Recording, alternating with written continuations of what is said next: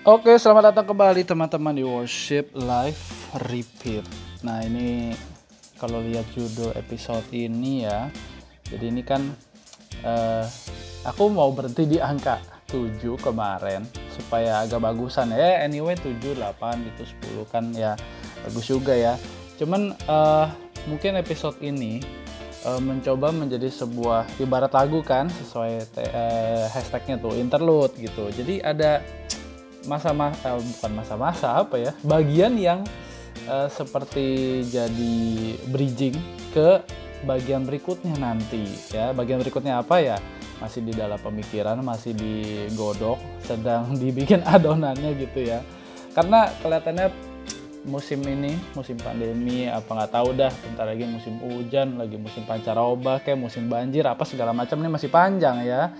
Nah ini uh, di dalam bagian interlude ini aku mencoba untuk mengangkat kembali soal reconstructing ya kapan hari kan. Kalau kalian ingat kalau kalau udah nggak ingat ya silahkan lihat-lihat lagi episode di awal-awal uh, pandemic worship series itu kan ada tentang uh, deconstructing uh, rebuilding eh, reforming lalu rebuilding atau reconstructing gitu ya. Nah ini aku mau bahas tentang tiga hal yang mungkin selama ini tuh kita udah ada di dalam pandemic mode worship gitu ya. Ada yang uh, kebanyakan kita beribadah secara online, ada yang hybrid. Tapi mindset kita, cara kita beribadah itu tuh seolah-olah masih dalam mode offline atau onsite gitu ya. Makanya kan waktu itu sempat bahas soal apakah ibadah sekarang ini hanya tentang mentransfer apa yang ada dari onsite ke online, kira-kira begitu, atau dari onsite ke hybrid gitu. Nah ini tiga hal yang mau dibahas. BTS ini bukan bukan nama grup band Korea itu ya, uh, bukan juga singkatan dari behind the scene, apalagi bisik-bisik tetangga saya. Kalau bisik-bisik tetangga saya nanti mungkin ada episodenya lagi yang lain ya. Nah ini BTS ini adalah body, time, and space. Nah ap apa sih yang harus kita uh, rekonstruksi mengenai tiga hal ini di dalam beribadah ya? Nah ini uh, tapi ngomong-ngomong dulu soal re kata rekonstruksinya ya. Sebenarnya aku tuh mau pakai satu kata, cuman kok kayaknya nanti uh, terlalu kontroversial, membuat orang bertanya-tanya gitu ya. Kayak ada yang nanya aja gitu kan.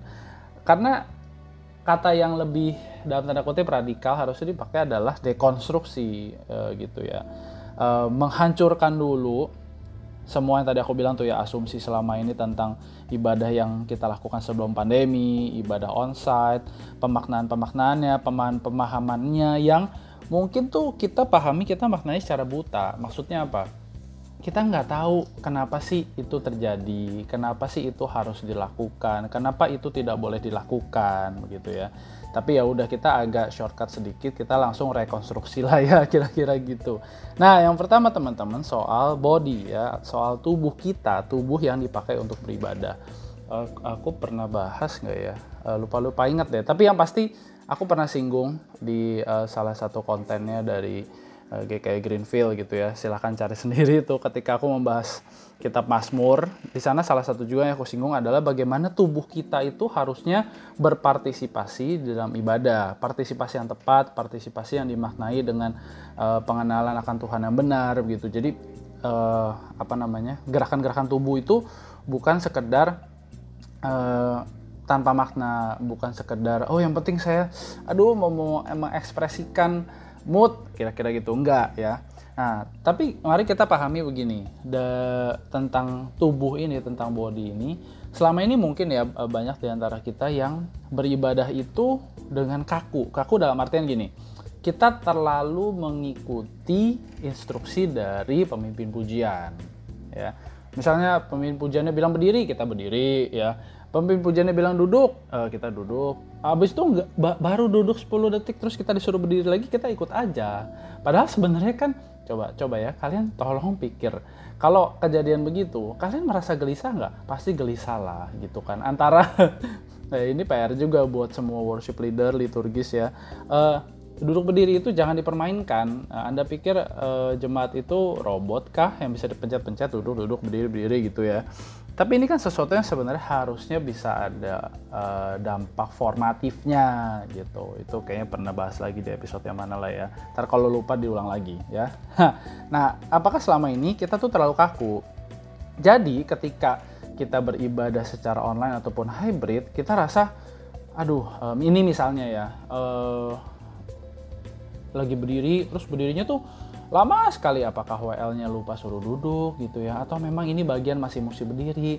Tapi kok aduh gue mau memuji Tuhan tuh nggak nyaman. Apakah lebih baik aku duduk? Nah kan muncul pertanyaan-pertanyaan kayak begitu ya. Atau misalnya kita selama ini beribadah dengan menggunakan tubuh itu tuh uh, dalam tanda kutip one expression fits all gitu ya. Dari awal sampai akhir kemarin ini kayak aku pernah bahas di bagian emosi juga itu ya. Uh, ekspresi emosinya, ekspresi badannya itu uh, dari awal sampai akhir begitu aja. Kalau dari awal tegang sampai akhir tegang. Bahkan dengerin khotbah juga tegang. Tegang-tegang kapan selesainya nih khotbah lama banget gitu ya.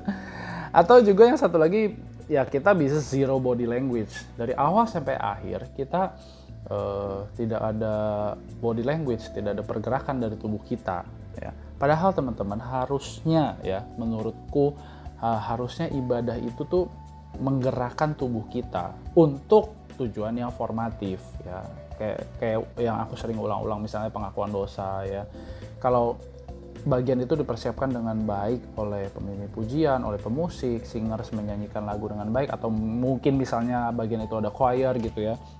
Itu kita pasti rasa misalnya ya, aduh kita rasa kita ini berdosa banget manusia yang pribadi yang nggak layak di hadapan Tuhan. Kita mungkin uh, menunduk. Nah itu kan sudah bagian dari menggerakkan badan. Ya kita uh, apa namanya menaruh kedua tangan tuh di kepala tanda menyesal misalnya gitu ya. Itu kan sudah bagian dari menggerakkan badan gitu. Nah bagaimana jika sekarang itu semua kekakuan, semua kesalahpahaman kita akan pergerakan-pergerakan kita selama ini kita ganti dengan sesuatu yang lebih dinamis ya tapi kan bukan berarti tidak teratur ya kan? Paulus kan bilang segala sesuatu termasuk ibadah itu harus dijalankan dengan teratur dan harmonis begitu. Nah bagaimana e, kalau pergerakan tubuh kita tuh harusnya lebih dinamis? Saya aku kasih contoh gini waktu itu kalau nggak salah pas episode sama Kosem itu pernah dibahas ya. Misalnya tadi balik lagi soal duduk berdiri ya. Tadinya kan terlalu ikutin instruksi WL gitu. Terus sekarang misalnya ada satu satu elemen liturgi itu kok kita rasa aduh ini ini mohon maaf ya. Misalnya ada orang tertentu yang eh, nggak uh, tahan berdiri lama terus dia mau duduk. Menurutku ya nggak apa-apa. Selama memang fokus hatinya itu adalah tetap mau memuji Tuhan gitu. Di bagian itu WL entah dia lupa suruh duduk atau memang bagian itu WL masih pengen jemaat itu berdiri dengan pertimbangan dia sendiri ya sudah uh, kalau memang kita rasa aduh kok udah nggak kuat berdiri nih tapi gue masih mau memuji Tuhan ya sudah duduk nggak apa-apa. Itu kan bagian dari kita dari dinamika kita beribadah. Makanya tadi aku bilang bagaimana kalau pergerakan tubuh kita itu menjadi lebih dinamis ya. Terus misalnya lagi nih uh, ya ini case yang aku temuin karena aku punya baby ya. Misalnya ada ibu-ibu punya baby dia eh, biasa kan kalau di gerejaku ya lagu pertama itu biasa bangkit berdiri. Karena kan mau mau mengadore uh, bagian adoration mau meninggikan Tuhan harus ada sikap berdiri gitu. Nah gimana ketika misalnya eh lagi mau berdiri eh anaknya mau tidur. Terus harus disusuin misalnya ya kan? Terpaksa nah ya dalam tanda kutip lah terpaksa harus duduk akhirnya si ibu ini. Bagaimana caranya? Ya menurutku nggak apa-apa tetap duduk uh, walaupun si WL dalam tanda kutip menginstruksikan untuk berdiri gitu.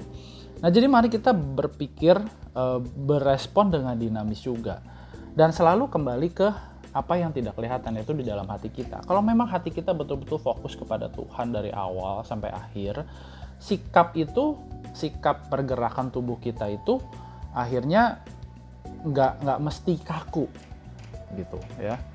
Nah itu soal badan, soal tubuh, soal respon tubuh terhadap uh, eh, di, di dalam kita beribadah ya.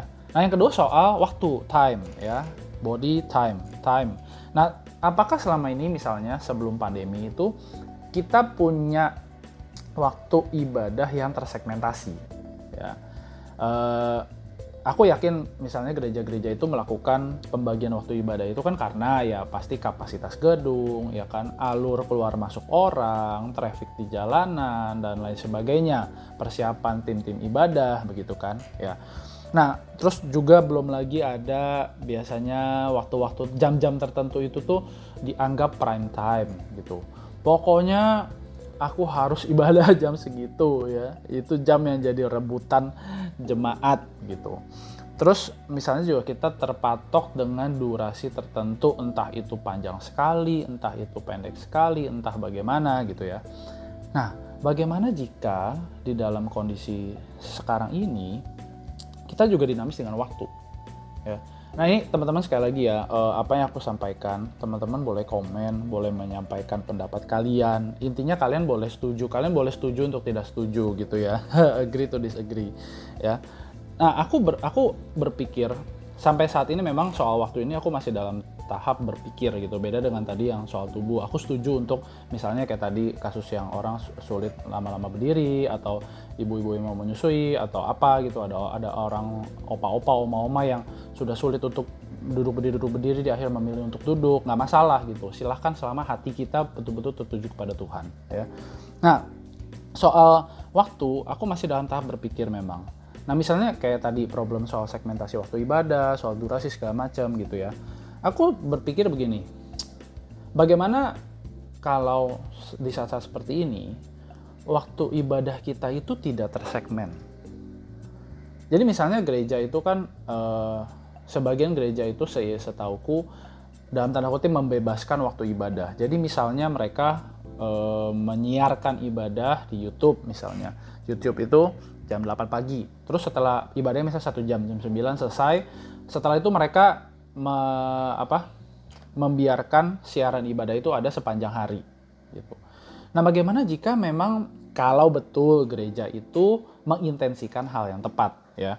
Bagaimana kalau memang ada ada gereja-gereja tertentu mengintensikan supaya ya sudah setelah itu jemaat itu bisa beribadah di waktu yang cocok dengan mereka, ya. Dan jadinya kita juga bisa dinamis dengan kalau misalnya ya kita punya kesibukan di hari Minggu. Let's say ya misalnya kita punya anak, anak kita harus ikut ibadah anak-anak ya sekolah Minggu, tapi kita juga harus ikut uh, ibadah dewasa, ya ibadah umum gitu.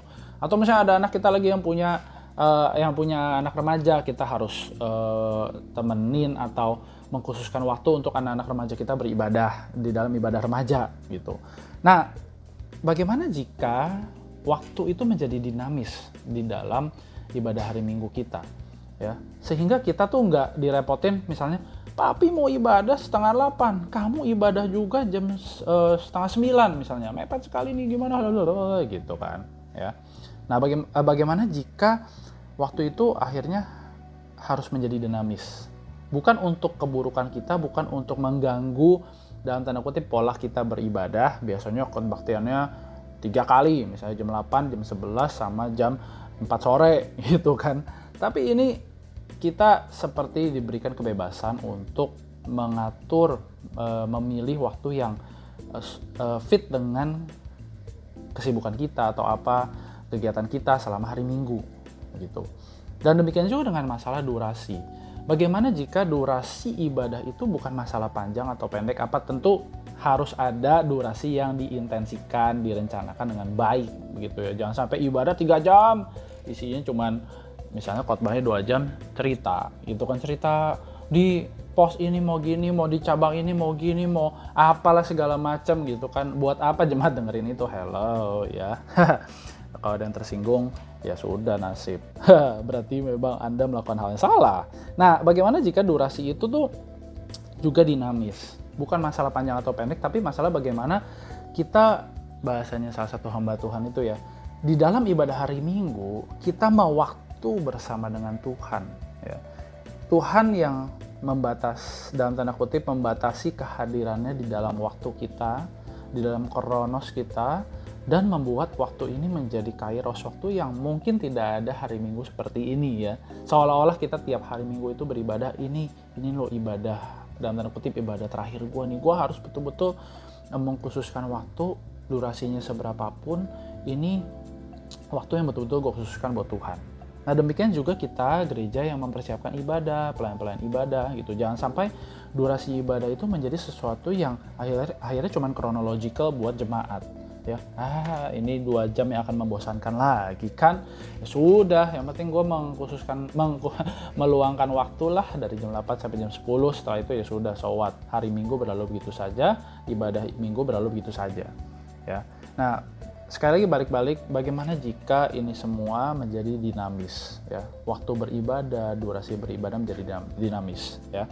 Nah yang terakhir tentang space tentang ruang beribadah. Kalau selama sebelum pandemi kan ya uh, aku rasa sebagian besar uh, gereja itu beribadah di gedung ya. Entah itu gedung gereja yang dibangun uh, secara khusus maksudnya ya udah gedung itu memang gedung gereja atau misalnya meminjam menyewa membeli ruangan tertentu entah di mall entah di perkantoran entah di mana gitu kan. Intinya ada gedung gitu ya mau gedungnya megah kayak mau mau gimana kayak gitu ya terus ada lighting, oh ya kan, uh, yang bagus gitu, bagusnya definisi masing-masing gitu ya. Ada kursi yang enak, bahkan sampai ada gereja-gereja yang mungkin kursinya kayak kursi bioskop ya kan. Baru duduk sebentar, saat teduh just ketiduran, bangun-bangun udah amin ya kan. nah, bagaimana jika sekarang ruang tempat space kita beribadah itu juga menjadi dinamis. Dinamis maksudnya bukan uh, lagu pertama, lagu adoration kita di uh, apa namanya ruang tamu, misalnya kita beribadah di rumah ya. Terus pengakuan dosa kita di kamar. Terus uh, ketika lagu persembahan kita di depan ATM gitu enggak juga enggak enggak begitu ya tapi maksudnya dinamis soal ruangan ini adalah di mana pun kita beribadah ya yang penting bukan uh, ruangannya. Ini konteks pandemi ya sekali lagi ya. Tapi tentang bagaimana Tuhan yang sekali lagi dalam tanda kutip membatasi dirinya untuk hadir me, apa tuh meruangkan dirinya bersama-sama dengan kita meruangkan apa tuh ya ya gitu, ya begitu intinya Tuhan yang hadir di mana pun kita beribadah gitu karena aku eh, cukup banyak mendengar misalnya orang bilang aduh eh, kok kalau ini kita udah enam bulan pandemi nggak beribadah di ruang gereja itu ada yang kurang ya gitu. Ya mungkin ada nuansa suasana tertentu yang tercipta di dalam sebuah ruangan gereja.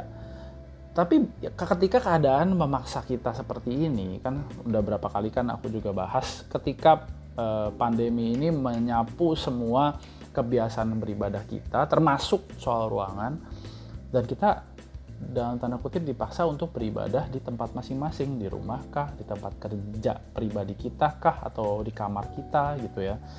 Dan mari kita melihat apakah ini justru menjadi sebuah konsep ruang beribadah yang dinamis. Dan kita semakin memahami di dalam dinamika ruangan beribadah ini ini bukan soal ruang.